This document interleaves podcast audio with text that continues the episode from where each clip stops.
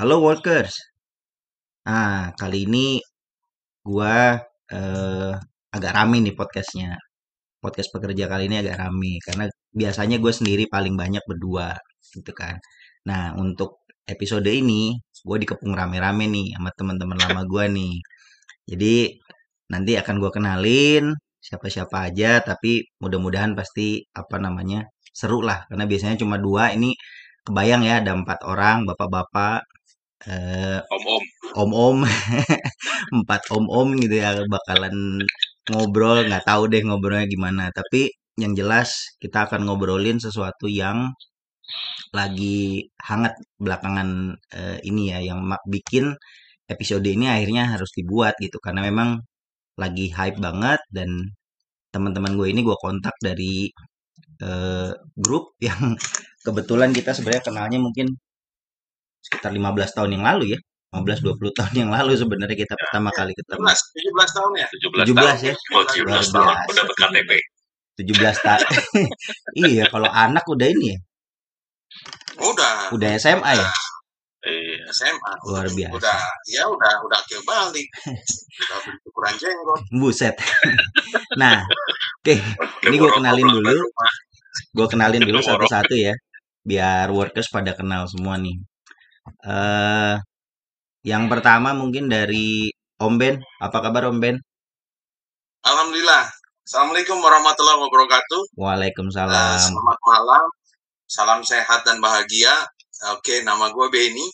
Gue kerja di HR Division di salah satu perusahaan logistik yang umurnya udah 38 tahun di Indonesia. waduh gue cari nih apaan ya 38 tahun logistik Karena sekarang banyak perusahaan logistik kan kemarin juga baru ada info juga itu yang warnanya merah hitam udah mundurin diri. 4848.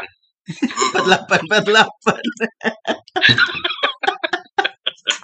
masih ada tuh juga itu armadanya Holden ya. masih ada tuh Ya, nggak tahu gue dulu. Pokoknya kalau ke Bandung yang 4848 aja dari iya Cirebon. turunnya di ini di apa namanya Eh, patung patung tani ya patung tani Oh iya benar patung tani ya. Iya, bener iya, iya. turun situ Om Ben lu lu lulusan apa sih Om Ben Gue lulusan manajemen sumber daya manusia. oh ya emang lu mah memang bener ya masuknya bener-bener ke ke HRD lagi ya Sesuai, sesuai passionnya dia. Iya. sesuai passion gua nggak tahu nih yang lain nih berdua nih pada tersesat nggak nah ini gue tanya dulu nih yang satu nih ketawanya paling kenceng nih apa kabar di Alhamdulillah sehat. Sehat Om. sekarang di mana sih lu Ya sekarang saya di developer ya. waduh Di developer sekarang. Tetapi bagian sama lah kayak seperti Om Ben di HR. Tapi saya di departemennya eh, pengembangan sumber daya. Seperti itu. waduh ternyata kita dikepung dua HR ya gue baru sadar tapi ta- tapi arahnya berbeda nih. Weh. Kalau Mas Benny ya, kalau Mas Benny masalah undang-undang segala macam deh, gitu kan, servis. oh lu lebih ke SDM ya Iya, pengembangannya. training kayak gitu-gitu ya Yes, ya emang ini lu dulu banget ya dari dulu juga pas kita ketemu kan lu salah satu yang diincer lah sama trainer kita dulu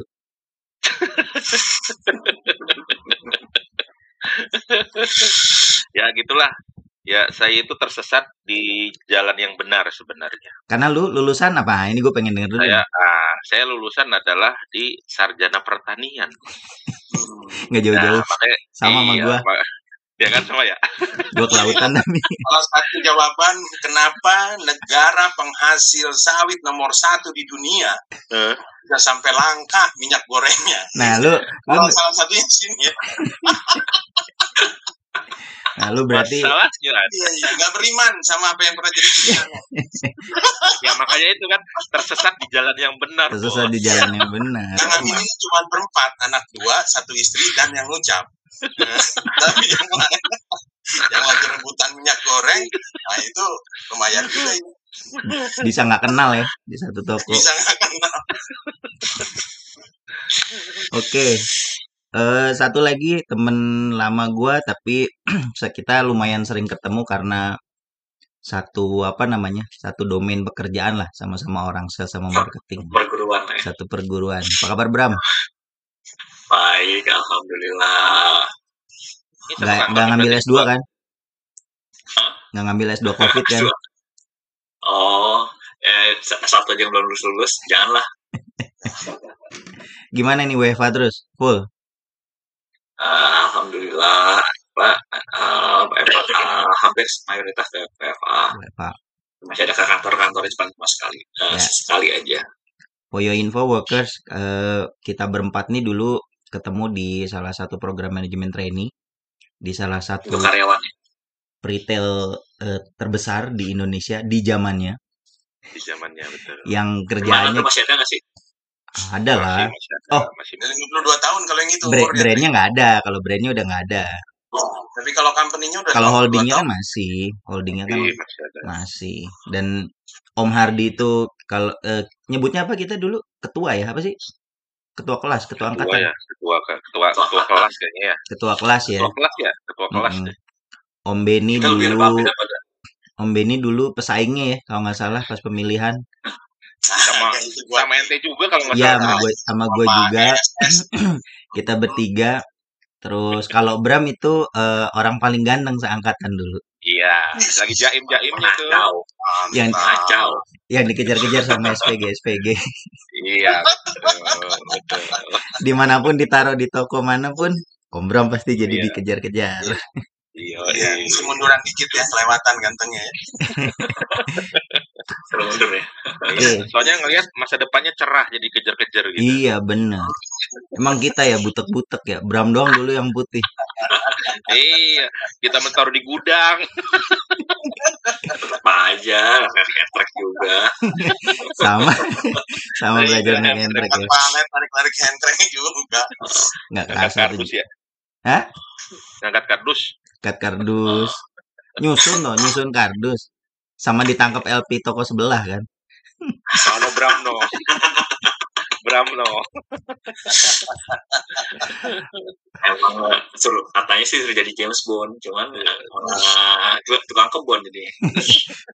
Jaga masjid sama kebun nih, James Bond. Spy that love me ya. Hmm. You only like twice.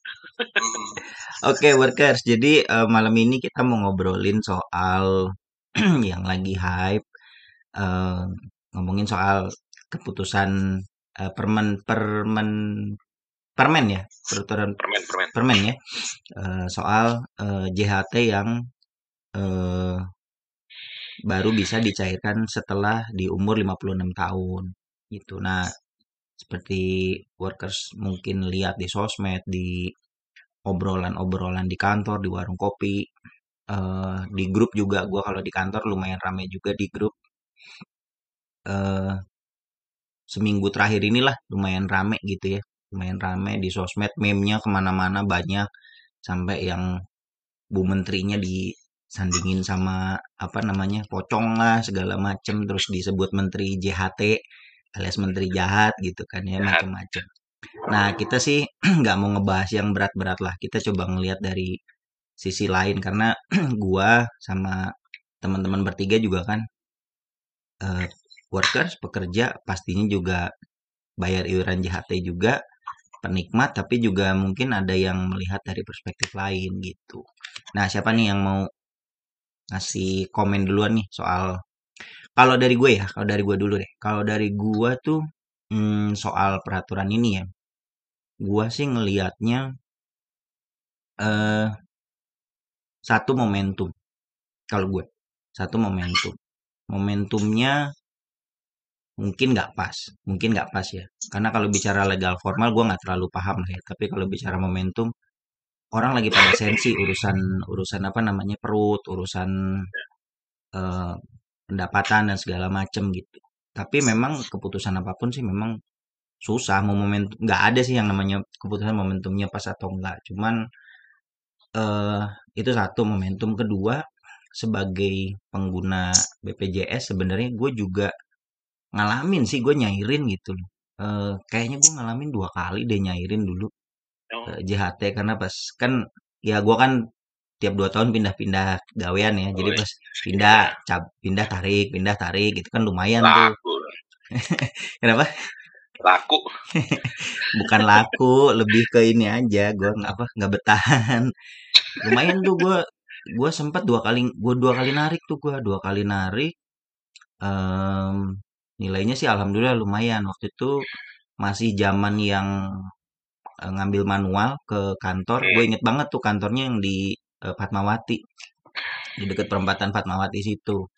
Satu lagi gua ngambilnya eh, udah pakai aplikasi ya udah pakai online Oh, berarti nah memang ini ya. apa ya kurang ini. lebih enggak udah Dua tahunan. 7 10 tahun lalu lah Oh, udah pakai udah online ya? aplikasi udah pakai udah pakai itu udah pakai eh Oh, 7 lah Kalau 7 10 tahun yang lalu masih dipotret itu, yang ngambilnya di meja, mukanya dipotret, kayaknya 7 deh pokoknya gue sebelum masuk ke kantor terakhir ini tuh udah mulai hmm. pakai itu cuman yang jadi problem memang ya itu kartu gue sekarang gantung 4 jadinya. Kebanyakan ke pindah-pindah. Jadi kalau gue sih karena gue udah ngalamin ya di zaman itu sih ya lumayan bermanfaat lah. Salah satunya gue dulu buat nambah-nambahin nambal eh, utang COP ke kantor lama gitu. Hmm. jadi gue pindah masih ada COP ah lumayan nih gitu kan buat nutup-nutup lah walaupun nggak ketutup Hmm. semua lah ya gitu. Cuman kan kalau yang kita dengar peruntukannya JHT itu kan untuk hari tua katanya. Nah nggak tahu nih menurut kalian gimana Oke, gua duluan ya. oh Ya. Ya, jadi gua punya misi yang ada di dalam hati dan pikiran gua. Sekarang itu yang pengen gua sampaikan adalah kita bisa melihatnya secara bijaksana dan dewasa. Jadi gini loh, ibarat kita eh, pacaran, terus setelah pacaran nikah, terus setelah nikah ada persiapan istri kita itu mengandung dan ada punya waktu yang pasti 9 bulan 10 hari untuk melahirkan. Kalau yang dewasa dan bijaksana, ada waktu yang dimanfaatkan secara optimal. Untuk ngapain aja tuh? Untuk nabung buat persalinan, untuk nyiapin beli perlengkapan baby. Nah, kebetulan kita di dalam frame ini kan semuanya sama-sama udah jadi bapak-bapak ya. Walaupun kakak-kakak saya di sini mungkin umurnya lebih panjang gitu kan. Eh, umurnya lebih banyak, Amin, lebih panjang. saya yang lebih panjang. amin. Yang pertama yang dihitung.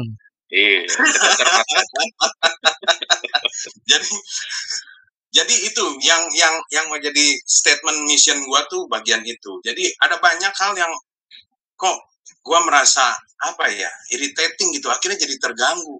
Waduh akhirnya harapan buat bisnis musnah. Tergagalkan gara-gara aturan ini. Hmm. wah impian saya buat nyekolahin anak nanti.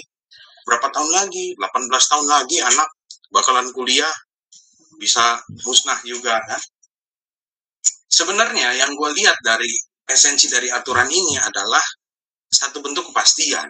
Usia 56 terus ada yang bilang wah nanti kalau harus hidup ya berarti sampai umur 56 eh men kalau lu meninggal sebelum umur 56 dan saat itu dicairin ada lebih banyak doa ada lebih banyak ziarah kubur yang bakal dilakukan sama anak-anak sama istri lu.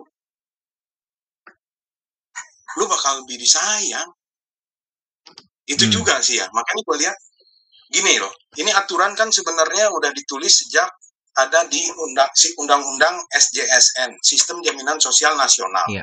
itu undangkannya itu tahun 2004 benar. Namanya Undang-Undang Nomor 40 Tahun 2004 pengusulannya itu sejak tahun 2003 sesaat setelah Undang-Undang 13 tahun 2003 diundangkan jadi ini loh aturan kerja seperti ini terus nanti setelah aturan ketenaga kerjaan diundangkan baru masuk cerita tentang SJSN tadi dari SJSN nanti terbentuklah di tahun 2015-nya baru terjadi tuh BPJS ketenaga ya kerjaan kesehatan Ya. gabungan yang tadinya Mm-mm. Astek eh yang tadinya Askes jadi BPJS kesehatan yang tadinya jam sostek jadi BPJS tenaga kerjaan Mm-mm. terus di awalnya juga dari zaman Aztec terus jadi jam sostek terus jadi BPJS tenaga kerjaan itu produk yang namanya JHT ya sebenarnya namanya aja udah JHT jaminan hari tua. Baru kali ini akhirnya ada penegasan yang namanya hari tua itu terminologinya ya umur 56 udah seperti itu. di luar masa produktif lah gitu ya memang Ya. bekerja saat ini memang ditentukannya akhirnya seperti ada penjenjangan berdasarkan tingkat harapan hidup hidup bener Ya, oh tingkat harapan hidup bakalan meningkat. Alhamdulillah yang gue lihat meningkat dari 55 terus jadi 56 terus nanti dipre- diprediksi tiga tahun lagi jadi 58 dan seterusnya sampai nanti mentoknya di umur 65. Mungkin kalau teman-teman baca juga ASN, TNI itu tahun 2002 yang tadinya pensiun 55 jadi 58. Ini Hmm. lagi mau digolkan lagi menjadi 60. 60. Tadinya umur 60 tuh cuman buat guru, kepala sekolah, Ya. guru apa eh, dosen seperti Hmm, itu ya. hmm. Akhirnya ini ada ada dasarnya kenapa bisa diputuskan pensiun di umur 60 atau pensiun kemarin di umur 58 Hmm. karena cerita angka harapan hidup masih produktif, masih pada sehat, masih bisa berkontribusi seperti itu. Jadi itu satu. Oh, berarti ada satu tenggat waktu yang mesti kita manfaatkan secara optimal buat memprepare sampai ketemu usia 58. Eh, sampai ketemu usia 56. 56. Mm-mm. Ya, itu kan kalau kalau kita nyikapin secara dewasanya artinya itu. Nah, kalau something happen terjadi, kehilangan pekerjaan, terus sudah gitu, apa, eh, barangkali perusahaan tutup, ada keputusan pilot, itulah ada produknya yang namanya JKP, jaminan kehilangan pekerjaan. Tapi itu bukan satu-satunya. Kemarin ketika tahun-tahun 2020, teman-teman pasti tahu lah ya, mungkin ada anak buahnya atau tim membernya yang pernah dapat bantuan subsidi, upah. Masih kerja aja udah dibantu sama perusahaan, eh, sama BPJS Tenaga Kerjaan. Yang gajinya di bawah 5 juta itu sempat dapat sejuta, sejuta setengah kalau nggak salah Iya. Per bulan. Ya, Pernah dengar ya? Tahun 2020, 2021 Iya. kemarin. Mm-mm. Itu baru satu. Kartu prakerja, satu modul kita akses, dapat duit 600 ribu. Betul ya? Mm-mm. Belum lagi ada antrian di BRI, zaman kurs begitu mudahnya, itu terjadi ya. Nah, jadi kalau gue pikir, kalau ini semua fasilitas, semua benefit buat rakyat ini secara konsisten dijalanin, ketika diundang di Permen nomor 2 tahun 2022 itu memang diputuskan cuman JHT doang. JHT bisa diambil di usia 56 asalkan semua activity yang tadi ya itu masih tetap jalan. Gue pikir nggak terlalu serem-serem amat kok. Hmm. Ini kita bicaranya untuk worker yang punya income UMP ke bawah deh. Karena kan di aturan pajak juga ada ya PTKP Iya, ya penghasilan tidak kena pajak Tidak pajak. gitu ya. Nah, artinya kalau kita bicara di level mereka, gue yakin mereka ini pekerja muda. Mereka punya tanggungan yang belum banyak. Mereka masih energik. Pak, ketemu juga sih saya staff umur 45 tahun om gitu kan. Bagaimana apa yang terjadi dengan mereka? Ya sekali lagi, kita punya ruang buat bisa lakukan kontemplasi gitu. Kita tanya sama diri kita sendiri, ih kok bisa ada ya? Padahal kan ekonomi sempat growth pasca 2008 ke sini, Mm-mm. ada banyak kesempatan kerja, ada banyak kesempatan buat mendevelop diri gitu kan. Loh kenapa Anda ada terposisikan di posisi itu? Artinya ada yang keliru juga yang pernah dia jalanin sampai di usia sematang itu tapi secara karir nggak terdevelop Hmm. ya dong. Jadi kalau mau bicara adil, yang namanya hasil nggak pernah berkhianat dari proses, kayak gitu kan? Hmm. Nah, ketika dia menempuh satu proses, memintarkan diri, me-improve apa yang jadi skill dan kompetensinya, gue yakin dia pasti akan masuk di level yang nggak worry lagi. DHT harus cair di usia 56. Gitu sih. Oke. Kalau dari gue itu, Hmm. silakan aja. Ya menarik Ada sih. tanggapan. Menarik menarik karena kan memang eh yang tadi Benny bilang sebenarnya aturannya tuh udah diundangkan di eh, Undang-Undang SJSN 2004 ya. Cuman pertanyaannya kenapa jadi ramenya setelah berarti berapa? Setelah 18 tahun gitu loh. Setelah 18 Hmm. tahun gitu. Iya. Mungkin Om Bram, Om Hadi ada pemikiran lain? Kalau oh siapa nih? Sok Ya, bebas. terserah lah. Oh gue ya. Enggak sih. Kalau gue sih eh, masalahnya sekarang itu kan sebenarnya sekarang tuh ah, ah, pemerintah tuh banyak terobosan ya. Tadi gue akhirnya udah pelajarin sedikit tentang JHT segala macam. Sebenarnya sih bagus sih. Ada cuman ada dua yang uh, dua garis besar yang pengen di lapangan harus kita uh, apa masih uh, yang harus mungkin diimprove ya ke depannya. Pertama itu adalah uh, uh, sosialisasi. Hmm. Nah, karena sosialisasi ini kadang-kadang ya tau lah sos Indonesia kan wah netizen nah kadang-kadang kan udah udah nggak Mm-mm. bisa terkendali lah gimana lah nggak no comment lah pokoknya Hmm. gimana jadi eh sekarang sosialisasinya ini nih pemerintah nih eh, harus dapat yang positif segala macam karena ini kayak di Amerika aja orang udah tahu perang itunya iya untuk eh, untuk sesuatu hal yang quote unquote lah yang eh, ada udang balik bawang Hmm. itu yang daftar jadi tentara segala macam tuh tetap banyak dan Banyak, untuk bener. sebenarnya banyak Mm-mm. sebenarnya kalau misalnya dengan sosialisasi yang bagus segala macam gua rasa sih nggak bakalan ada heboh-heboh kayak gini ya Hmm. Bismillah jadi komisaris Eh, eh, itu kategori Keren, Indonesia Mantap. BUMN itu ya. Tuh komisaris tuh ngincernya BUMN gitu. Dia BUM, dia BUMD Iya. aja BUMD. Oh, itu udah lebih dekat lagi.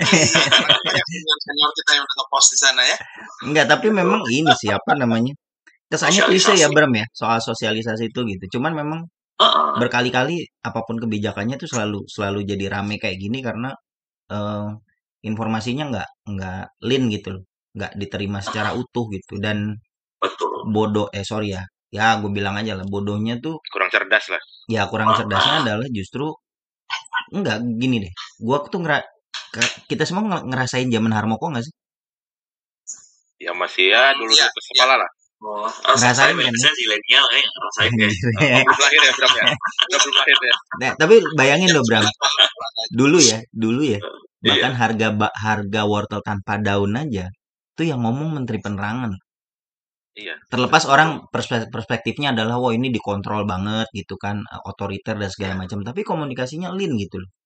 Dari Iya. apa namanya dari hulu ke nah ini yang wortel tanpa daun tuh kan hal sepele lah. Ini soal apa namanya JHT yang lebih kompleks gitu yang ada JKP ada ini ada itu ada ini. Ya. ya cara nyampeinnya cuma sebatas apa namanya eh, pakai media eh, terus ada di sosmed itu pun tidak gua baca beberapa kali itu tidak lengkap dan itu keburu dipakai eh, tunggangan buat yang lain-lain akhirnya gitu. betul Nah, itu gimana lagi Bram? Selain tadi eh, sosialisasinya Iya, iya. yang bermasalah. yang kedua itu kayak tadi sebenarnya kata Benny bilang sih sebenarnya kayak tabungan hari tua namanya juga hari tua ya cuman eh, masalahnya kan kadang-kadang eh, iya tingkat mentalitas dan kedewasaan tiap individu di orang Indonesia kan berbeda-beda ya kadang-kadang Hmm. kasarnya ini ini udah gue tabungin loh ya. Pokoknya eh, nanti pas mau lim- lima enam baru ngasih ambil. Kan ah kan gue butuh buat ini buat itu buat itu. Pas kan orang-orang kayak gitu. Tapi eh, balik lagi kadang-kadang pas kebutuhan itu sebenarnya pemerintah udah tahu nih oh kalau lu nggak bisa kerja eh ntar dikasih eh, JKP eh, JKP Hmm. nih. Dan eh, ataupun yang sampai JKT 48 lah kasarnya mau dikasih segala macam kayak gitu. Itu udah disediain sama pemerintah sebenarnya. Cuman ya itu balik lagi sosialisasinya aja sih maksudnya. Sosialisasinya itu eh, biar orang tuh oh kayak gini tahu. Soalnya eh, kalau sosialisasinya kalau tuh back practice yang dilakukan pemerintah itu kan ya orang dulu suruh pakai masker sama vaksin. Ya se- se- se- sebadung-badungnya orang akhirnya kan ya kita kan vaksinnya oke jalan oke juga akhirnya kan. Sekarang waktu tadinya oh vaksin tuh begini ada yang bilang haram lah ada yang bilang ada efek sampingnya ada bla bla bla akhirnya uh, in either way orang udah sosialisasi segala macam akhirnya itu works gitu. Ya dengan Nah, ancaman kan nggak ini Bram. Salah satunya nggak cair duit apa namanya? Eh apa kalau di di desa tuh? Apa nggak kalau kalau kalau nggak vaksin nanti nggak dapet eh, dana apa gitu. ya. Hmm. Lupa gua apa sih namanya. oh Adalah ya, di pokoknya di desa tuh akhirnya oh eh a- apa sih yang bantuan sosial itu? Bansos ya? Bantuan Bansos. sosial Oh, ah tunai iya bansos nggak cair. Kalau nggak ada kalau nggak ada Ya. vaksin bansos nggak cair. Ya memang nggak bisa dipungkiri untuk beberapa yang tadi Bram bilang sih tidak semua orang pemikirannya mungkin bisa dibawa ke arah sana ya. Maksudnya yang kayak tadi Yes. bilang itu nabung itu untuk nanti segala macam. Ada yang eh, mereka mindsetnya mungkin harus hari ini gitu karena kebutuhan. Dan kayaknya kalau dihitung-hitung gue nggak tahu ya. Tapi tadi tadi kan gue sempet lihat di beberapa media ada hitung-hitungannya. Misalnya yang 45% selama tiga bulan tuh 45% gaji kalau yang JKP ya. Terus tiga bulan kemudian. Hmm. 45% dari gaji yang di top silingkan 5 juta aja. Ya juta 5 juta maksimum. aja bener Iya. Nah, cuman kalau kalau untuk yang orang baru kerja di bawah 2 tahun sih oke, tapi kalau yang udah kerjanya di atas tiga tahun kayaknya tekor deh, gue nggak tahu deh, gue nggak tahu. Ya. Nah, Gimana, kalau dari hitungan formulanya, seandainya ada pekerja yang baru kerja lima tahun, terus terkena PHK, terus dia nggak bisa, belum bisa ngambil JHT-nya, dia bisa lebih untung. Karena simpanan JHT-nya juga belum mencapai 10 juta 500.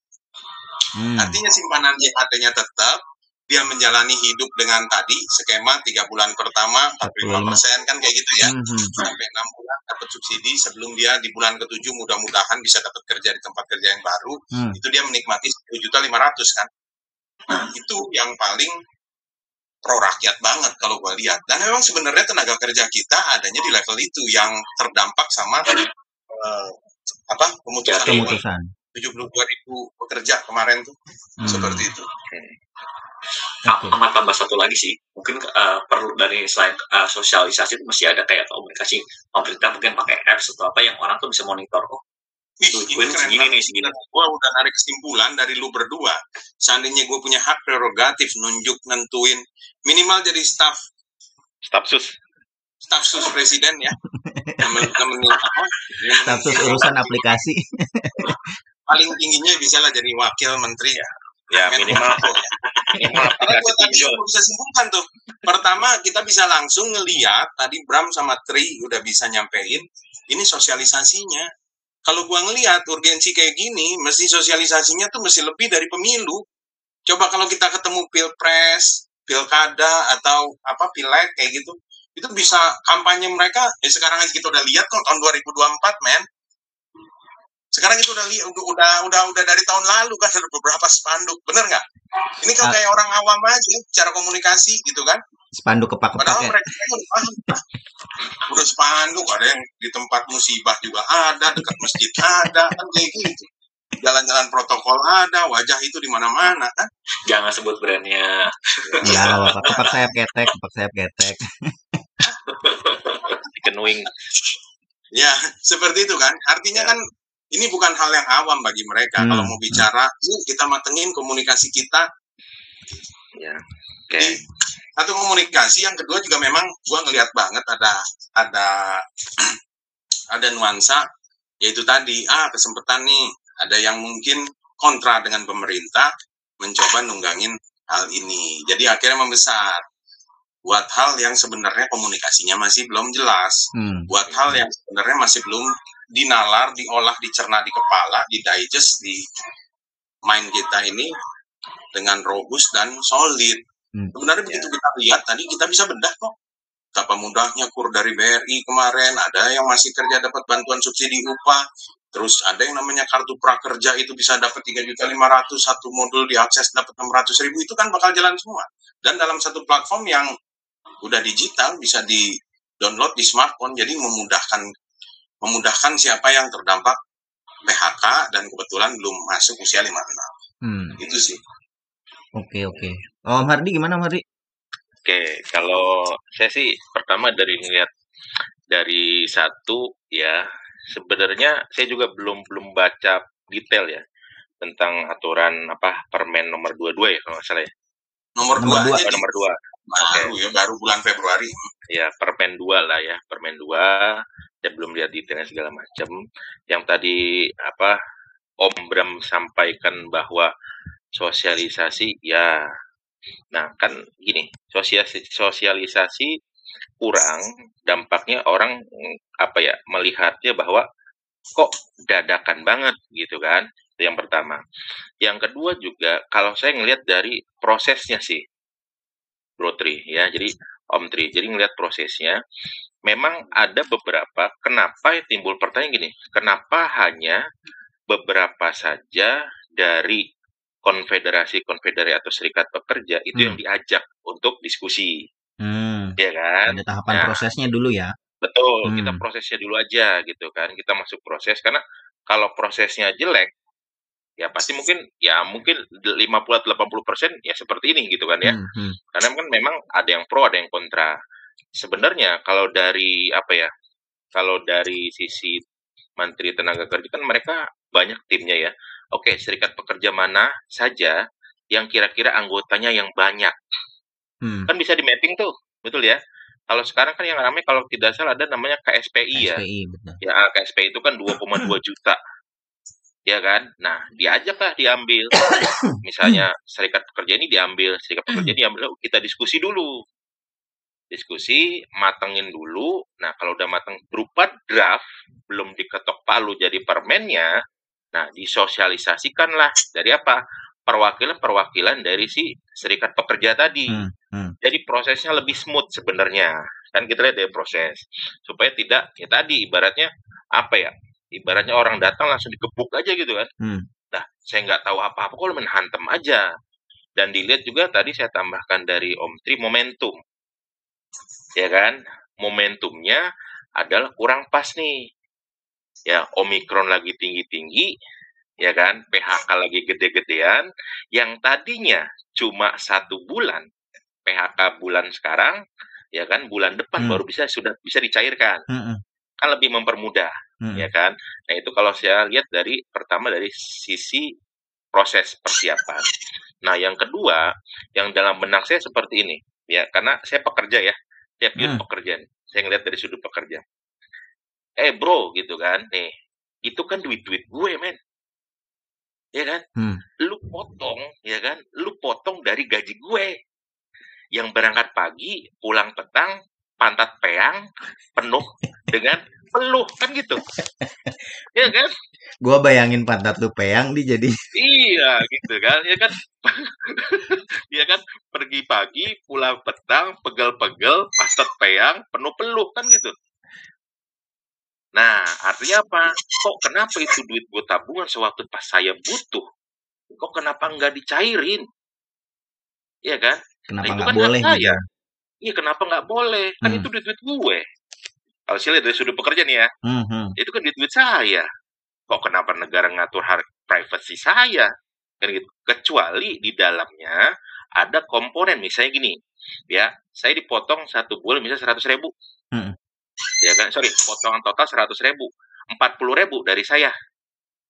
enam puluh ribu enam puluh ribu dari pemerintah. Hmm. oke kan gitu ngelihatnya. Nah begitulah kenapa sekarang banyaknya timbul adalah pro eh banyak kontra? Karena satu kebiasaan. Kebiasaan yang tadi bisa lebih gampang merasa dipersulit.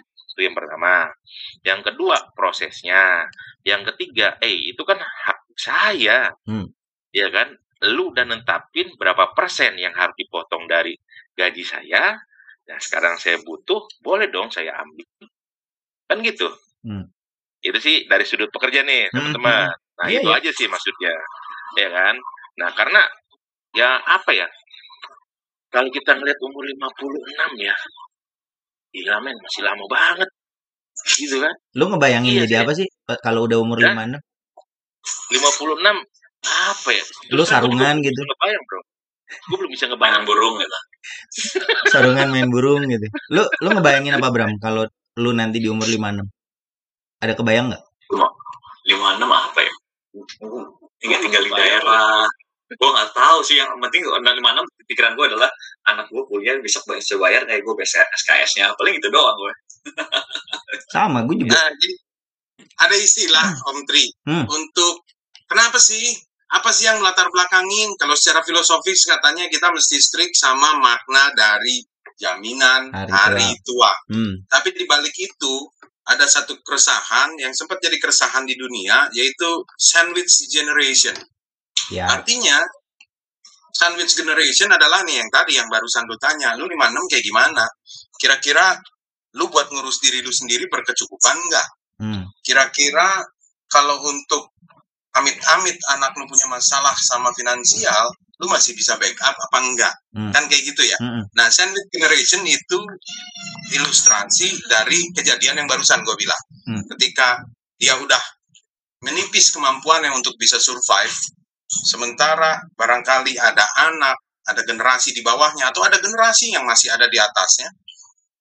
Kalau generasi di atasnya umur 70-an gitu ya, Hmm, berarti hmm. 76 seperti itu, yang memang mesti masih bergantung kepada dirinya. Hmm. Nah, itu yang sebenarnya mau dihindarin karena ngelihat probability uh, apa namanya? probability sukses ratio dari teman-teman yang kemarin ngambil JHT ya. Ya kayak kalau kayak Om Tri kan dimanfaatkan dalam bentuk konsumsi apa tadi pelunasan COP gitu ya. Karena ada banyak juga tuh. Iya. Yang sempat jual ayam goreng tepung ala Amerika, Ya, yang sempat jual kerupuk yang dibasahin terus dimakan seblak itu ya. Sebelah. Sebelah. Mhm. Mm-mm. Ya, ada juga yang jual apa ikan hias ya pokoknya bisnis-bisnis yang udah red ocean bro yang udah berdarah-darah yang udah penting-pentingan harga gitu kan Hmm. yang pada akhirnya gagal lebih banyak daripada yang sukses Hmm. nah itu yang gua salut sih sebenarnya kalau kalau ngelihat apa yang jadi eh, sebenarnya materi sosialisasinya ya cerita tentang tadi sandwich generation cerita tentang probability ternyata kekurang siapan para mantan pekerja buat menyongsong hari tuanya Hmm. terus memang gaya hidup konsumtif Hmm. yang biasa nongkrong di kafe apa ke leasing punya kewajiban nyambung menyambung tadinya tiga tahun jadi masuk tiga tahun lagi kan kayak gitu Sekolah terus ya. Sekolahin terus ya. terus Iya. terus ya mulai dari rice cooker apa spring bed Anjir rice cooker. blender ya semuanya ya sampai sepatu mobil roda empat roda dua ya semuanya kayak gitu kan akhirnya waduh ngeri juga kalau gua lihat fenomena ini terjadi gitu kan Hmm. mungkin di teman-teman di financial service wah Seneng-seneng Gua punya aja. iya seneng tetap jalan tunggu Mm-mm. marketnya kan kayak gitu nah Iya. tapi satu sisi ya karena gua gua gua gua merhatiin gitu ya aduh Hmm. kasihan banget ya kalau bicara skillnya sebagai seorang driver juga ketika tangan udah tremor refleks udah nggak gesit lagi juga kasihan nggak mungkin dia terus-terusan jadi driver kayak gitu kan Hmm. driver online bisa bukan pilihan untuk yang udah usia 56 ke atas kan Mm-mm. Mm. Nah, jadi seperti itulah kira-kira Tapi kalau Iya. kalau lu lu lu sendiri Ben ngelihat lu di umur 56 ntar kayak apa Ben? Keliling-keliling naik makanya lu. gua, gua merintis hobi-hobi yang menurut gua niche market ya benar-benar palung pasar paling dalam terus gua ngebayangin wah saat gua 56 di mana-mana mobil listrik seliweran masuk ke pom Iya, bener. cuma untuk api Hmm. kayak gitu oh gue mesti tekunin nih entah bidang ya ini nih motor klasik yang kayak ada di belakang gua mungkin itu bisa jadi apa ya bisa jadi valuable valuable community apa komoditi yang memang harganya bisa growth gitu kalau secara komersial Hmm. terus secara historical juga mungkin banyak yang pengen nostalgia kayak gitu gitulah mungkin jadi di segmen hobi yang ukurannya adalah kepuasan kadang harga nggak terlalu price sensitif gitu kan Hmm. itu yang mungkin gue pikirin someday di sana sambil ya kalau bicara properti ya penting juga soalnya tanah kagak dibikin lagi kan kayak gitu ya Iya benar. Makin mahal. itu sih Metaverse, metaverse. Oke, Iya. menarik sih tadi yang soal apa namanya sandwich eh, generation Generation. itu ya. Eh, Heeh.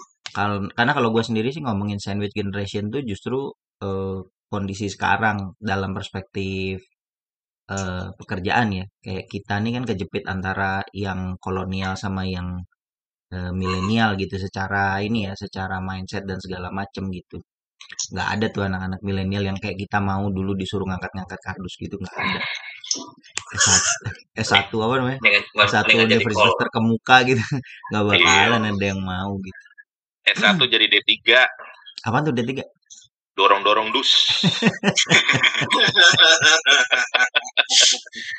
apalagi di setelah angkatan kita banyak banget itu yang lulusan apa kelas akselerasi Ya, Terus sekarang udah udah udah ditutup ya coba yang nggak mungkin bisa terima dia tuntutan Hmm. pekerjaan yang seperti itu ya Hmm, Hmm. semaskulin zaman kita dulu lah Semaskulin bener. iya Tapi- karena gua lihat TikTok jadi banyak banget ini penggemarnya gue pikir udah perlu dipertanyakan maskulinitas itu kan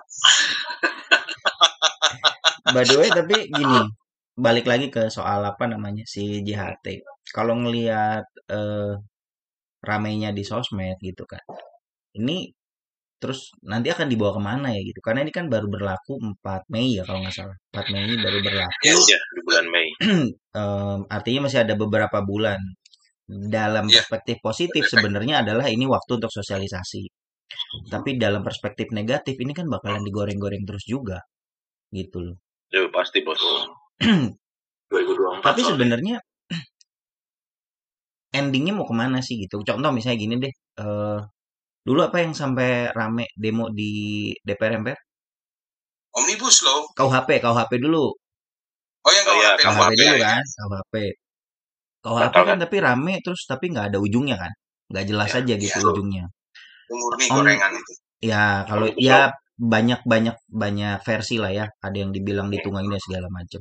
Terus pas Ya. ngomongin apa namanya omnibus law, omnibus law juga sama, tapi kan ujungnya dia bawa ke MK ya. MK. Nah, ya. gimana keputusan MK-nya juga menurut gua, aduh, nggak tau lah menurut gua ya. Menurut gua nanggung aja gitu. Kalau emang mau di drop, Nah, di iya. drop aja. Kalau mau di diputusin, diputusin aja gitu. Ini jadi dibikin Ya. di garis abu-abu. Nah, kalau si Ya, sedikit si komentarin yang Hmm. masalah putusan MK buat Omnibus Law, Hmm. Itu yang dikritisi sama MK adalah tata cara pensosialisasiannya. Jadi nggak ada satupun juga pasal atau ayat yang ada di dalam yang Omnibus Law dibatalkan. yang yang dianggap berlawanan sama Pancasila dan Undang-Undang Dasar Hmm. 45. Kan undang-undang nggak boleh ya berlawanan sama Berlawanan Pancasila dan induknya, dasar. betul. Ya. Hmm. Jadi kalau ditanya, wahai MK, Anda putuskan ini lebih karena apanya? Sosialisasinya. Gimana caranya supaya disosialisasikan, nggak ada gejolak, bisa diterima, terimplement, seperti yang diharapkan. Iya, Karena kalau bicara, wah ini kita cabut, itu karena bertentangan sama Undang-Undang Dasar atau Hmm. Pancasila. Itu ternyata enggak. Seperti itu sih. Cuman Ya, RI 1 kalau- juga kayaknya kecewa juga tuh waktu ada apa namanya? Kok bisa sih eh kit- kayak gini? Dia tuh ngerasa kayaknya kita kurang prepare gitu sampai masih harus diginiin sama eh, MK. Kalau nggak salah ya, bahas gestur Ya, yang gue ya. terima tuh gitu Kurang gitu. prepare ya. Heeh. Nah, Sampai dia ya, kayak hampir nggak habis pikir gitu. sebenarnya. Nah, Nah. Maksud saya gini, kalau kita kalau saya mau nyoroti lebih ke sosialisasi ya, tiap-tiap apa eh, tenaga kerja kan di tiap-tiap daerah kan ada ya, ada kayak di snaker segala Mm-mm, macam ya. mm-mm. Nah, kenapa dia tidak pakai jaringan itu gitu maksud Hmm. saya? Ya dari draft tadi segala macam ya manfaatkanlah di snaker di naskir tadi. Ada nama BLK kan? Hmm. Nah, Ya. panggil saja tuh perwakilan-perwakilan dari si perusahaan. Hmm. Eh kita nanti ada ini loh, next begini loh, begini loh, ada masukan nggak? Hmm. Nah, artinya gini, kalau ngelihat dari perusahaan yang perusahaan saya kecil saja untuk merubah sistem yang tadinya apris ganti sistem yang baru sikap, ya itu prosesnya enam bulan untuk sosialisasi, cuma satu aplikasi dari HR saja. Ya, sedangkan ini adalah apa? Apa eh, namanya? The whole ecosystem ini yang the dirubah. whole ekosistem khususnya buat hajat hidup orang banyak Hmm. Hmm. gitu. Jadinya boleh memutuskan cepat, boleh kerja cepat nggak masalah. Tetapi ya lihat pikirin kan terlebih dahulu dampaknya apa Hmm. nih, Hmm. kan gitu maksudnya. Hmm. Ya, jadi sosialisasinya ya kalau tadi dibawa akan dibawa ke mana nggak salah kalau kemarin saya lihat-lihat lihat dan baca di beberapa media ya kayaknya sudah masuk nggak tahu sudah sudah ada apa ya diajukan ke pengadilan atau apa gitu ke Mahkamah Agung atau ke Mahkamah Konstitu Konstitusi deh Hmm. Untuk yang permen untuk yang permen A ya tahun 2022 ini. Iya betul. Katanya sih dengar-dengar seperti itu Hmm, gitu kan. Dan ada yang bilang kenapa harus ke MA atau ke MK? Harusnya kan ke PT UN dulu. Karena kan itu bukan undang-undang Bukan tapi undang-undang. permen. Permen. Iya. Nah, kan seperti itu. Ya nggak ngerti lah kalau masalah hukum ya. Hmm. Yang penting sih nanti lihat bahwa apakah itu memang dicabut atau tidak. Nah, sekarang kan ngelihatnya bahwa ayo kita kuat-kuatan nih. Kan gitu. Iya. Kayak kalau lihat dari dari image saya, pemikiran saya sendiri, yuk kuat-kuatan deh. Ya kan? Yang Hmm. sini demo, di sini kekeh nih. Kekeh Tapi kalau sini nih. dari analisa sementara Pak apa Om Hardi, Hmm. karena JKP jaminan kehilangan pekerjaan yang bisa dinikmati sama pekerja kalau sekarang ini 10 Hmm. juta 500 total dalam waktu 6 bulan tidak mengurangi manfaat JHT Ya pasti. dan juga ada per- ada ada apa eh, keuntungan yang diterima sama penerima JHT artinya kalau dia nabung sampai umur 56 itu kan per bulannya bunga minimal itu 5,7 persen ya ya 5 persenan lebih Hmm. tapi ketika nanti suku bunga deposito meningkat kan aturannya nggak boleh kurang dari, Dari suku bunga bunga, deposito. deposito betul ya Ya. Hmm. itu kan makin memperkuat posisi eh, permenaker tersebut Hmm. jadi itu tadi boleh kita punya statement oh kuat-kuatan deh ya sengaja makanya di sini saya coba gelar ada beberapa instrumen program yang memang digelar terus ada be- be- benefit dari terendap apa tersimpannya terdepositnya Hmm. uang JHT tersebut sehingga ya kalau kita ngelihat secara lengkap secara utuh komprehensif ya sampai sekarang sih saya masih ngelihat masih menguntungkan pekerja. Cuman bicara sosialisasi yang kurang sama ya adalah banyak yang mungkin pekerja belum bisa mem- melakukan well manage apa melakukan pengelolaan yang well manage buat hidupnya. Hmm. jadi kayak nggak berencana kan seperti itu. Kayak nggak punya rencana. Itu sih. Jadi ini ada ada kemung- ada kemungkinan dibawa ke apa namanya PTWN atau ke MK juga ya Iya, sebenarnya. betul. Nah, kalau soal sentimen kan ada sentimen juga yang bilang "Eh, ini duitnya mau dipakai apa sih gitu. Kan duitnya nggak sedikit. itulah Indonesia ya Ini kan duitnya nggak sedikit nih. nah, Eh, duit kurang Nah, Om Bram, gimana, Om Bram? mancing-mancing, Dre. Lo jangan mancing-mancing, Dre. ini, ini yang menarik. Tugas gue emang mancing. Ini eh, sebenarnya kalau gue lihat ini ya ini eh, mungkin kayak anti anti pemerintah sih maksudnya eh, perspektif lain ya. Hmm. lain ya gue disclaimer dulu lain. Kan sekarang banyak banget sih in- instrumen investasi ya mau dari reksadana lah kemudian saham lah kemudian sekarang terakhir yang eh, yang yang koin-koinan itulah pokoknya lah. Hmm, itu udah bahkan sampai salah satu artis terkemuka bikin itulah bikin apa namanya Kripto, kripto. Kripto kriptoan lah nah, Nah, sebenarnya pemerintah biar uangnya lari nggak ke mana-mana investnya nggak ke mana-mana kan tahu nih konsumen eh, apa ah, rakyat Indonesia udah mulai melek gitu. Tuh mereka put lah di di sana lah uangnya di sini aja buat jamin hari tua pas kok pasti nah, bahkan balik kok ini kan jamin kasarnya kuota tuh pemerintah lah gitu. Kan Hmm. dulu pemerintah tetap zamannya kita muda tuh orang ori segala macem kan. Mungkin ya nggak tahu ya ini kan cuma disclaimer aja. Mungkin ori nggak semenarik yang Hmm. instrumen-instrumen lainnya jadi yang udahlah oh, uang uang kalian keep sini aja buat pemerintah daripada pemerintah ngutang segala macam ini. Pakai uang kalian nanti kita bayarkan lah dalam bentuk JHT ini. Hmm.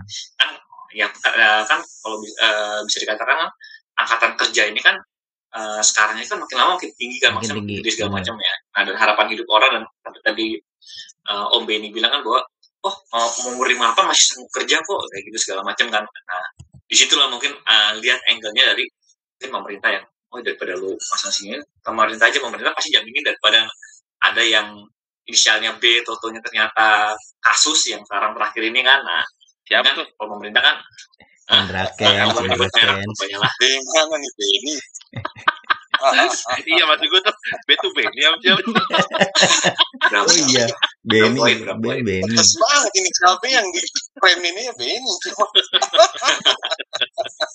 itu sih kalau yang gue lihat sih jadi pemerintah daripada ibaratnya kayak daripada utang segala macam ini uangnya ini mungkin bisa dikelola buat apa Hmm. kan lagi mau bikin ini nih bikin ibu kota baru nih nah mungkin dari situ mungkin atau gimana kan kita nggak tahu ya maksudnya atau nggak buat ngejaga kita, kita kalau nggak ada investor dari mana nih kita ada ada jaminan di HT ini bisa di, ya, kita kelola nanti pasti uangnya balik ke rakyat lagi cuman dikelola sama pemerintah kasarnya gitu nah Hmm. mungkin ya itu kan cuma uh, point of view doang sih Tapi gini, kalau saya ngelihat ya, yang tadi bahwa tadi saya bicara tentang momen- momentum ya, siapa Mas Tri bilang ma- eh, momentum seperti ini. Ini nanti sebentar lagi rame nih, bos. Apaan? Sebentar lagi rame.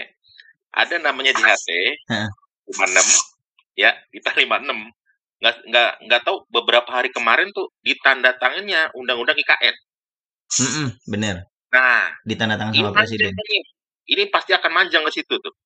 Ya, Bis cocokologinya masuk ya kena ya Enggak, dimasukin masuk barang itu. bukan Barang masuk gini, barang. oh, oh, maksudnya momentumnya pas gitu dilihat dari orang nih, ya dari perspektif Iya, wah Iya, iya, iya. digoreng lagi nih maksudnya. Karena arahnya apa? Ini ditahan duitnya, ini ditanda tangan. Hmm. Hmm. Orang lihat tuh bahwa oh benang merahnya duitnya lalu lari ke sini. Nah, Iya. itu sih nanti yang rame nanti di situ Hmm. tuh digoreng tuh. Gitu, Terus nanti bulan depannya lagi beli Sukhoi berapa? Satu Squadron, eh tiga Bukan Squadron bukan ya. Sukhoi dong, yang pesawat Sukhoi, Prancis itu Yang kan. Prancis, yang Prancis. Pesawat Prancis. Yang Prancis apa sih namanya? Ra- Rampage atau apa gitu. Ya, ya itulah kira-kira. Oh, nyambung asik tuh ya nyambunginnya ya. Mm-mm. Hmm. Enggak, Hmm. kalau kalau rampage itu kan kalau rampage itu kan sudah beberapa bulan sebelumnya. Sebelumnya yang Ya. Sebelumnya. 17 eh gitu. 1700 triliun apa yang 1700 ribu triliun Ya, tuh. ya itu sih Ya, tahun kemarin rampage kan ya. gitu. Nah, Mm-mm. kan gitu. Nah, ini ke depannya akan digoreng nih. bos. Jadi, ah, jadi ya nanti kita lihat ya ramenya seperti apa ya. Ya, cuman akhirnya gini kalau kalau gorengnya ke sana gitu ya entah Nah, oleh siapa pun hmm, yang jadi pemikiran terus eh, intisari dari perubahan ini tuh nyampe nggak ke ke apa namanya ke eh, workers yang memang memang membutuhkan ya gitu. Kayak tadi tuh soal JHT, JKP dan segala macam dan segala macam gitu loh. Sementara ya memang nggak bisa dipungkiri ini udah tahun politik ya apa pun. Gua ya, rasa ya, gua rasa besok RI 1 kentut juga bisa jadi politik gitu loh. Wah, ya, ya. RI 1 ke- eh lu lu lihat nggak yang kemarin em RI 1 lagi speech di belakang eh, opung angkat telepon. Nah, itu aja kan jadi jadi rame gitu loh. Itu kan hanya gestur kecil. Sementara ini tuh gestur yang lebih besar. Belum lagi kalau gue ngelihatnya tadi gini, yang nyorotin soal duitnya. Ini orang kan eh, banyak bermasalah dengan beberapa instrumen investasi yang dipunyai Ya. pemerintah dari mulai Asabri, Jiwasraya gitu. Em, ya Asabri udah udah Asabri sama Jiwasraya udah ada penyelesaiannya kalau nggak salah udah mulai berproses beberapa ininya udah diambil alih juga sama eh, gue lupa nama insuransinya apa gitu ya dan udah mulai ada talangan segala macem cuman kan lukanya tuh ngebekas gitu loh Ya. dan luka yang ngebekas itu tuh ya. ada ada di ada di orang-orang sekitar itu yang memang akan lu bayangin Asabri Asabri ya yang punya tentara buat pensiunan tentara duitnya dikorup Gila, sama gila. orang yang sama ngorupsi Jiwasraya gitu. Orangnya itu itu juga yang kemarin akhirnya putusannya tuh nggak nggak hukum mati kalau nggak salah cuma berapa tahun ya 12 tahun kalau nggak salah yang kakak adik itulah gue lupa namanya siapa nah pada akhirnya ya itu jadi Inisial B juga itu. Ah ya, inisial B juga bener Memang B itu emang B itu emang ini. Jadi B biangnya. Ya menurut gua akhirnya memang memang memang jadi kayak cocokologi sih gitu. Cuman kan luka-luka itu nggak bisa Ya. kita tutupin gitu loh. Sehingga begitu ada omongan kayak gini di mana ya tadi kayak Hardi bilang ini orang lagi banyak eh, apa namanya ada ada di masa di mana beberapa tidak seberuntung kita yang masih bekerja gitu. Terus tiba-tiba satu-satunya harapan mereka menurut mereka ya satu-satunya harapan mereka untuk bisa dapetin itu eh, dapetin uang eh, secara instan gitu. Ini kan kalau Ya. gue sih ngelihatnya gini eh, perspektifnya adalah satu gue butuh instan satu gue butuh invest karena untuk jangka panjang gitu. Sekarang yang memang harus dikuatkan menurut gue sih ya gimana cara yang ngegantiin yang instan ini gitu. Eh, enam bulan berapa tadi? 10 juta setengah ya? Ada jaminan nggak dia dapat kerja setelah enam bulan Ya sebenarnya sih jaminan enggak, tapi ada banyak hal yang membuat dia mudah. Antara lain itu kan semuanya dikemas dalam bentuk aplikasi di smartphone ya. hmm Jadi ketika ada lowongan dia ada di situ, ketika ada eh, secara artificial intelligence itu eh, cocok dengan background dia, dengan Hmm. pengalaman dia, dengan knowledge dia terus masuk situ. Ketika ada tawaran sejenis kayak apa modul-modul training waktu Hmm. kartu prakerja.go.id ada di situ. Hmm. Gue udah pernah lihat prototype untuk eh, platformnya yang yang nanti kalau nggak salah tanggal 30 April ya hmm. baru akan di launching Di-launch. untuk yang jaminan kehilangan pekerjaan ya. Bener. Nah, itu kan belum itu. diketok palu sama RI 1 maksudnya belum belum official Ya belum official. Oh. Ya, hmm. Lah ya tanggal 30 April itu ada ada ada agendanya RI 1 Hmm. untuk memberikan simbolis dan kalau nggak salah launching untuk platform tersebut, Hmm. platform jaminan kehilangan pekerjaan atau JKP.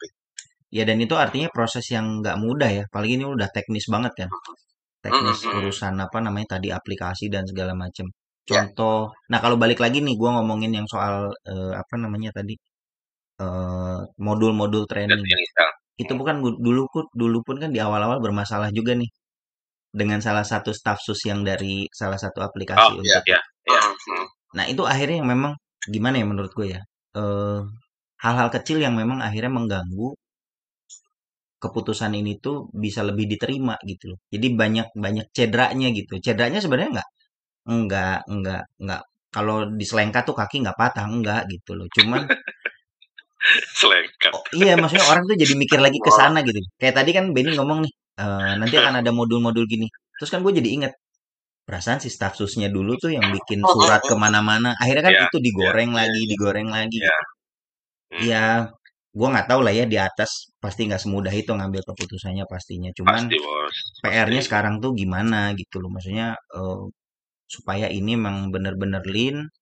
Kalau dari kita sih terutama gue sama Abram nih yang di sektor real gitu ya eh, pengennya tuh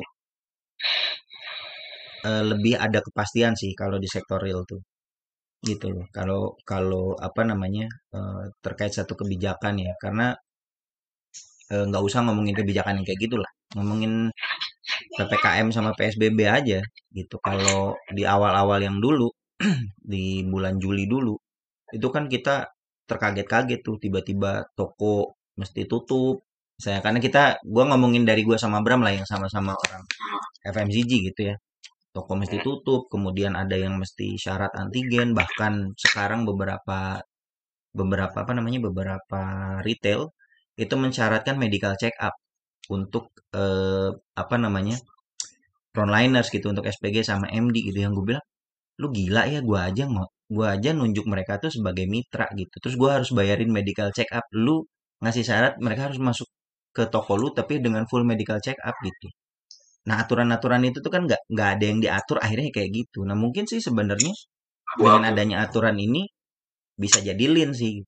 Lean banget itu cuman ya butuh waktu gua rasa sih butuh dua tahun kayaknya nih untuk si JKP ini bisa benar-benar diterima gua nggak tahu kalau dari kalian JHT. gimana IHT ya. Ya, sorry JHT JKP ini. Kayaknya du- butuh dua tahunan ini bisa diterima. Kalau menurut gue ya memang bicara sosialisasi, bicara eh, waktu ya yang dibutuhkan dua tahun bisa bakalan bisa lebih cepat lagi kalau memang shareholder yang terlibat di sini nggak cuma dari BPJS tenaga kerjaannya aja, nggak cuma dari Bapak Ibu aparatur sipil negara yang bertugas di Kementerian Tenaga Kerja atau dinas atau suku dinas tenaga kerja yang ada di Indonesia aja, nggak cuma petugas HRD, entah yang ada di perusahaan swasta, BUMN dan lain sebagainya. Semuanya juga kita mesti punya kewajiban dapetin literasi dari sumber yang terpercaya. Hmm. Terus kemudian juga ya ini kan bukan zaman era 60-an ya. Kalau Hmm. era 60-an kan ada informasi kebakaran, satu kentongan yang keliling kampung gitu ya. Hmm, hmm. Kalau sekarang kan memang Pakai ya seluruh warga sekarang. masih proaktif cari tahu. Ini kok bau sangit, asap membumbung tinggi, ini sumbernya dari mana? Nggak mesti nungguin kentongan lewat depan rumah. Hmm. Artinya memang di sini semuanya mesti terpanggil untuk proaktif. Hmm. Apalagi untuk kayak kita nih di petugas HRD di Oh, lu doang tuh mah gue bukan. Tadi di awal bilang katanya sama. Proaktif. Tugas HRD. lagi tapi Jangan sampai bikin satu perusahaan, satu materi apa ya penggibahan di kantor yang intinya sih jadi kontraproduktif Hmm. Iya. seperti itu. Enggak. Terus ya kita kita bangun semangatnya. Gue gue kepikiran gini nih, nggak tahu ya. Gue punya tadi terlintas ada nggak tahu ya ide-ide gimana. Kenapa sistemnya nggak ditambahin aja ada namanya reward and punishment. Jadi Hmm, kalau dia ngambil gimana? pas umur 56, pemerintah ngasih berapa persen dari total yang diambil.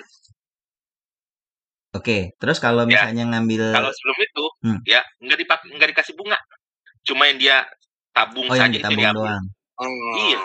Kenapa nggak seperti itu? Jadi orang lihat kan artinya benefit yang nanti gue dapatkan waktu pas tahun 56 eh lima- tahun umur Iya. 56 Hmm. ini lebih gede nih. Dia ngitung-ngitung lah ya. Harus gue- Iya. Hmm. Oh. Ini nggak tahu ke, duit kepikiran aja. gitu ya. kayaknya Iya, ya. bros. i- itu itu menarik sih. Untung dan rugi gitu kan jatuhnya kan kan seperti itu.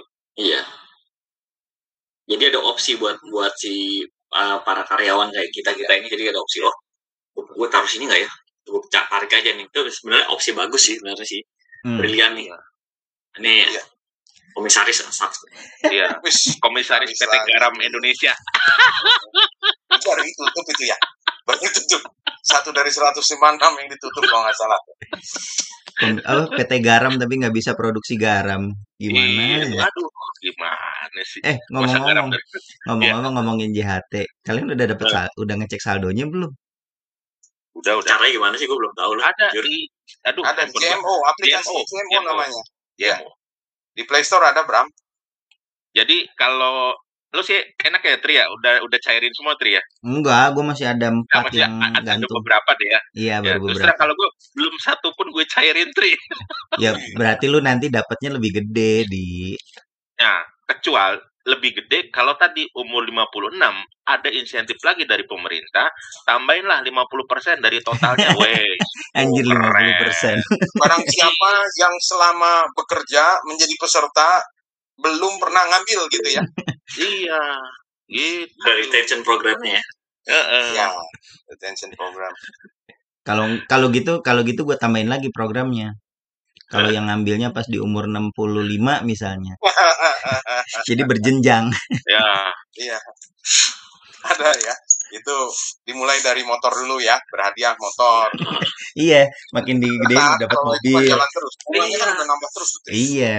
iya ya Cuma kalau politik. kenapa saya ya untung dan rugi aja bos istilah kan bisnis ayo bisnis Hmm, gitu hmm. kan ya kan nah sewaktu pas lo ngambil di apa kurang dari umur 56 ya udah nih dapat segitu lebih dari 56 atau sama 56 nih kita kasih insentif misalnya 50% dari total yang lo ambil wah orang bondong-bondong tuh ngambil 56 aja. Kalau bisa 60 Iya. 60 deh ya.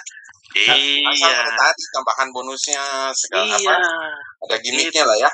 betul Tapi kasih lu dong udah udah udah ngecek saldo di kira-kira udah udah umur 56 udah. dapat bisa buat beli Dapat beli gunung juga bisa itu. beli gunung dapat ya di Cirebon sana. Inflasi ingat inflasi. Ya, Inflasi. betul. inflasi, betul, Iya. inflasi. Nah, kenapa tadi mungkin nih, ini kepilihan juga nih Mas Bram nih. Mas Bram nih mancing-mancing, jadi langsung ke- keluar keluar aja nih Bram, Mas Bram. Ya, ide-idenya, gitu kan. Oke, misalnya sekarang gini, saya mau ambil deh duitnya, ya kan? Hmm. Tapi saya nggak mau bisnis, saya mau investasi di logam mulia. Hmm. Yes. Berapa tuh? Ya, kalau kalau kita bicara inflasi, inflasi ke depan, duit 10 juta sekarang, lima tahun lagi nilai 10 juta enggak? Enggak juga kan? Hmm. Iya. Kan gitu. Nah, kalau di apa diinvestasi sama logam mulia, sekarang misalnya jatuhlah logam mulia 953.000 per 1 gram. Hmm. Tahun depan harga segitu enggak? Hmm. Enggak, Bos. Di atas 1 juta. Hmm. Nilai enggak plus ya? Nah, itu tuh jadi opsi gitu. Ya kan? Oke, uangnya segini tapi kita jadiin logam mulia mau enggak? Hmm. Hmm. Ya, Jadi nggak dalam bentuk rupiah tapi dalam bentuk ah, LM. Yang mulia. betul logam mulia.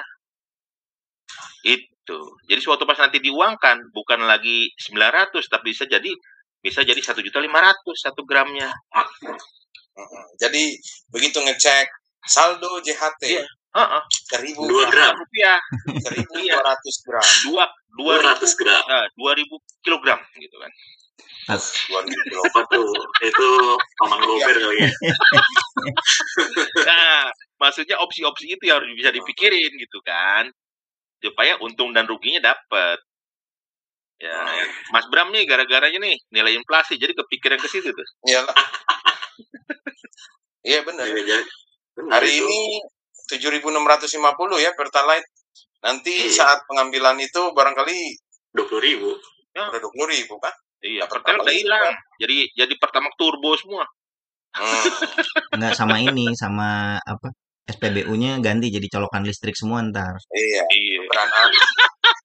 keren ah. Iya. Eh ngomong-ngomong itu lagi banyak yang buka itu loh eh, investor buat apa namanya? Eh, SPBU, SPBU elektrik elektrik. Heeh. Iya elektrik. Apa ya namanya ya? Bentar. Em, Ada green. E- apa ya? Evicus, Evicus namanya. Evicus. Mm-mm. Vicus. Kalau minat Berapa minat itu investasinya? lu lihat aja lah di itu. Gua nggak terlalu ini, nggak terlalu apa namanya nggak terlalu. Dan sebenarnya balik lagi kalau ngomongin investasi, investasi juga gini. Berartinya gini, pas umur 56 kan kita dapat duitnya nih, gede. Jangan sampai juga ntar kayak yang kejadian yang katanya rame-rame kemarin di Blora tuh, dapat duit banyak, jual Oh, dijual yang tanah, ujung-ujungnya juga nggak bisa ngapa-ngapain juga gitu karena dia nggak nggak siap dengan duit segitu kan. Ya. Iya. Artinya Karena maksudnya gini, gini loh, si eh, si JHT ini kan cuma duitnya doang. Iya. Mindsetnya kan tetap aja harus ada di orangnya nih. Anggaplah tadi kata Benny, iya nanti bisa dapat 1 M let's say gitu kan. Kalau dia Hmm. nggak bisa makainya boncos juga itu nggak nyampe 60 gua rasa Iya. Itulah makanya mesti dibikin puasa dulu. Puasa sampai ketemu 56. Jadi udah banyak tuh, udah ngebaca cerita Mikir tentang dulu ya. biar Oh, mikir dulu iya, ya sama mau gua apain sama gitu satu lagi sih nanti motivator-motivator, lembaga kursus lembaga kursus buat persiapan penerima JHT kan kayak gitu. nah ah Biar nggak latah, biar wah itu berarti ladang ini nih itu blue ocean tuh Iya. blue ocean itu berarti banget. wah pas nih gue kita Iya, bikin itu aja gimana bikin trainer aja bikin trainer aja batu akik udah nggak laku. Udah yang lain itu pasti mestinya. Iya, kita tambang kita ini aja kita bikin apa namanya kita bikin modul eh, persiapan pensiun aja gimana Nah, itu bagus. boleh tuh bikin bisnis plan-nya buat mereka Mm-mm. Bisnis plan, karena gua rasa mesti ya ada contoh nyatanya yang berhasil. nah Bisnis plan sekalian juga ngitungin eh, ini apa eh Bram sama Tri band apa sih namanya eh Iring. NPP NPP gitu loh. Yang didapat. iya Ah, jadi peluangnya apa? Aduh, probabilitas dia hmm, suksesnya berapa, Hmm, keuntungannya berapa, segala macam itu dihitung Jadi tuh. buat dari tiringnya dulu, kalau Anda Iya. terimanya 500 juta, ini yang cocok. Ya. Sambil dites juga, diassess juga kepribadiannya. hmm, hmm. Cocoknya Iya. apa? Kalau emang dasarnya kelas, ya nggak usah disuruh ngarit kan kayak gitu. Iya, sekarang kan kebanyakan kayak di gue pernah tuh di salah satu kantor tuh em, untuk yang umur 50-an, menjelang 50 tuh diikutin kursus apa segala macam itu pasti kalau nggak jauh-jauh dari apa coba? Ternak lele, Ternak lele, eh, heeh, kayak bebek, gitu. Cuman ya cuman nggak semua orang juga passionnya di situ kan. Iya, karena gede capek ternak lele itu bos. Mm-mm. Iya capek. Jadi lagi akhirnya kompon tetangga. training mah training tapi nggak kepake gitu. Nah, gua nggak Iya. gua nggak kebayang juga kalau misalnya mindsetnya nggak ready, duitnya ada, ya sebenarnya akhirnya dari tadi niat mulianya adalah untuk jaminan dia di hari itu akhirnya nggak nggak keinian juga gitu loh. Dan ya mungkin kalau kita dapatnya lumayan kali ya, cuman kan yang pekerja-pekerja ini kita nggak tahu juga nilainya berapa. Yang lumayan kan lo doang, Tri. Enggak lah, kita semua lu- itu udah punya binter dua tuh. ya diaminin aja lah diaminin aja aja. Bismillah komisaris lah. Iya. PT Tembakau Indonesia. Wilayah kerjanya ya di Temanggung. Mana lagi di yang ada ladang tembakau ya? Madura. Itu saya Jember. ya Madura kan ya bisnis yang nggak punya masa depan kan di situ ya berarti. Di depannya orang udah di Toko. tembakau, tembakau dan produk turunannya. Masih kayaknya. Kenapa? Masih. Sampai berapa lama? Iya. Masa depan bisnis tembakau. 50 tahun lagi ada? Ada. Hmm, Ah, masa? Ada, Bos. 10 10 20 mah harusnya masih. Masih, masih ada. pas pas apa Selagi, itu ada selagi Rokok kita bahwa tuh masih ya, paling murah sekarang. satu Oh, terhitungnya paling murah itu ya? paling murah, Bos. Paling murah. Mar- Iya, iya, iya. 35 ribu kalau di Singapura 78. Iya. Iya. Australia tuh 350 ribu sebungkus. Hmm, hmm. Nah, gitu. Kita paling murah, Bos. Hmm. Apalagi kalau beli tembakau tingwe-nya. Hmm, lebih murah Iya, lagi. murah. Tapi Iya. penggemarnya udah banyak di populasi Udah, udah banyak, komunitas penggemar banyak. tingwe gitu Banyak, banyak, Banyak, banyak. banyak, Bos. Banyak. Banyak. dan rela diturunkan ke anak cucunya gitu maksudnya. Apanya? Merokoknya? Iya. Ya, Habit kali ya. Adalah. Habit. Oh, etiknya ya. Lu Iya. lu berempat pada ngerokok gak sih? Enggak kan? Berempat Gua ngerokok gua. gua sosial gue udah smoker. enggak gue udah enggak ngerokok Iya, gua. gua enggak ngerokok. Oh, lu enggak ya, Tri? ya? Enggak. Gua anak baik-baik. Ciri-ciri anak Baik, baik-baik kan enggak ngerokok. Itu kan cuma casing doang kayak. Ya, ini yang bisa ngerokok cuma orang sehat. Gak ada gua pernah lihat orang pakai ventilator ngerokok gitu nggak ada. Jadi Anjir. kita masih bisa bangga lah li. Eh, apa eh, di Yo, Ardi perokok, gua social smoker, kita sehat. sebenarnya kan? gini, Bos. Ya, sebenarnya gini. yang di atas kita nggak tahu. sebenarnya gue tuh benci sama rokok sebenarnya. Iya. Ya. Nah, makanya lo bakar ya, ya, mewujudkan bencinya itu jadi gue bakar. Oh, gitu. gue nggak mungkin bakar pabriknya, bro. Iya, Karena tahu bisa di tapi penjara, Hmm, ya kan? Ya udah gue beli terus gue bakar. Gitu ya. Kenapa nggak duitnya aja yang lu bakar langsung? Ya, Pak. Ya Duit. kalau duitnya itu kan mubazir, bro. Orang Betul, jualan kan pasti butuh duit kan nih, gue kasih banyak yang panik ngeliat seratus ribuan dibakar gitu kan Iya. kepukul muka kita Itu cukainya paling gede itu. di gunung Berapa berapa pajaknya income dari eh dari itu apa bisnis rokok? Gue lupa. Pokoknya cukainya hal paling terbesar tuh ya dari dari rokok. Hmm. Rokok. berapa rumah sakit bisa dibangun itu 100 berapa triliun ya? Sekarang Iya. gini aja, Iya. orang terkaya di kita urutan 1 Ya, 2 rokok. 3 4 siapa? iya Iya, rokok. artinya masih punya masa depan ya bisnis ya Masih, Masih masih. lah, masih. Masih. Ya berarti mungkin ada ke mana. Nah, itu min- muter duitnya tuh. Muter, muterin itu pintar.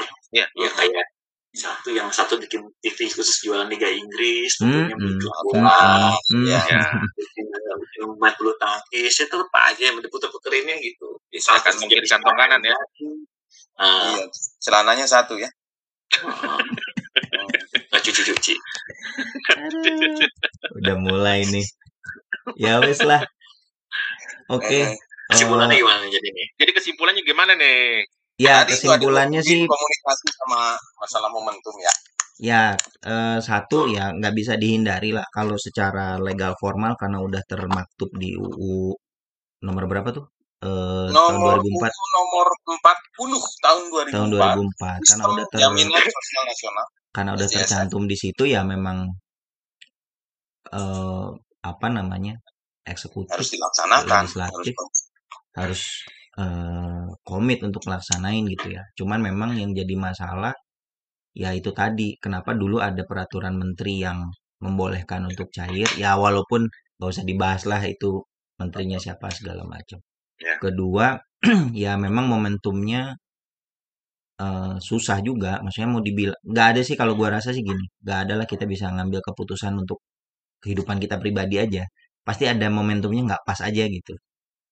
Dan ini memang ya suka nggak suka momentumnya nggak pas eh, sama yang paling lemah kalau gue sih balik lagi. Bukan karena gue pecinta orde baru ya cuman kalau dulu tuh gue ngerasa komunikasinya tuh nggak kebanyakan jadi sumbernya cuma satu gitu kalau sekarang kan sumbernya tuh terlalu banyak gitu loh terlalu banyak distorsinya juga jadinya eh, lumayan tinggi tapi ya bukan berarti harus balik lagi ke zaman dulu ya cuman memang nggak kita nggak punya PR aja sih eh eh, gua ngelihat pemerintah itu nggak punya Kebanyakan PR. PR, bro. Eh, iya ya, kebanyakan PR. Jadi Kebanyakan tidak PR. tidak punya apa namanya, tidak punya ekosistem PR yang Ya, yang bagus gitu loh. Jadi akhirnya ya banyak orang yang memanfaatkan, menggoreng-goreng segala macam. Ya kalaupun misalnya mau dibawa sampai ke apa PT UN atau bahkan sampai ke MK misalnya gua nggak terlalu ngerti lah ya. Ya itu ha- sah-sah aja karena itu kan memang saluran resminya ya. Yang gua kalau gue pribadi yang gua nggak suka tuh adalah kalau ini digoreng-goreng terus. Itu aja sih. Em, kayak tadi kan Hardy bilang dihubungkan dengan IKN lah apalah Ya. segala macem gitu. Betul. Ya itu aja sih gitu. Dan yang terpenting kan yang mesti kita selamatin kan teman-teman pekerja kita nih yang Betul, tidak hanya yang sekarang ya, tapi kan yang ma- di masa depan nih. betul setuju. Karena em, tantangan makin gede. Tantangannya bukan cuma sama orang lagi, tapi juga sama teknologi gitu. Ya. Eh, banyak kan sekarang pekerjaan yang mulai tergantikan dengan artificial intelligence gitu.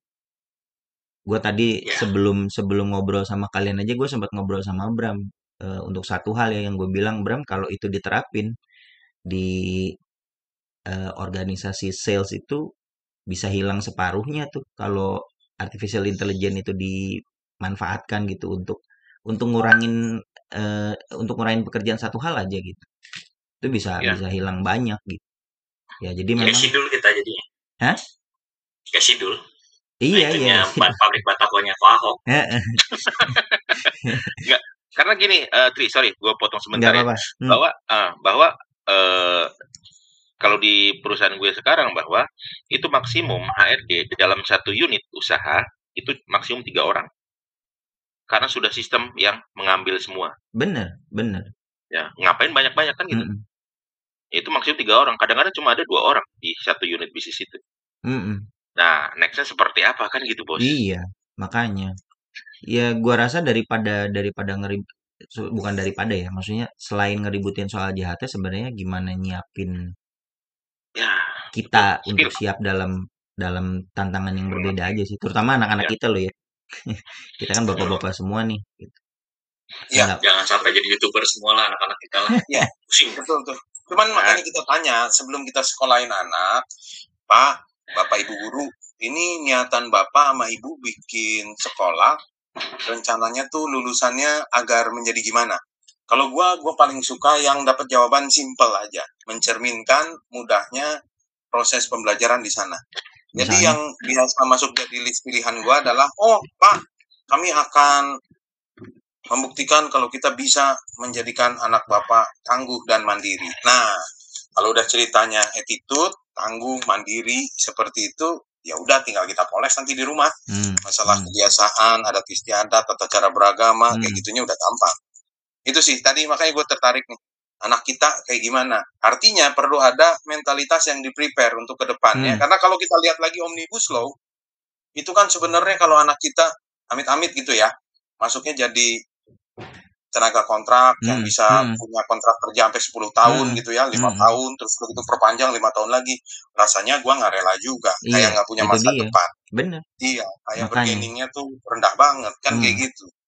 Nah, bener, Jadi bener. ya harus ada banyak hal juga yang reflected ke diri kita dan bisa kita implement buat generasi setelah kita. Itu Hmm. aja sih ya. Sip. Hmm.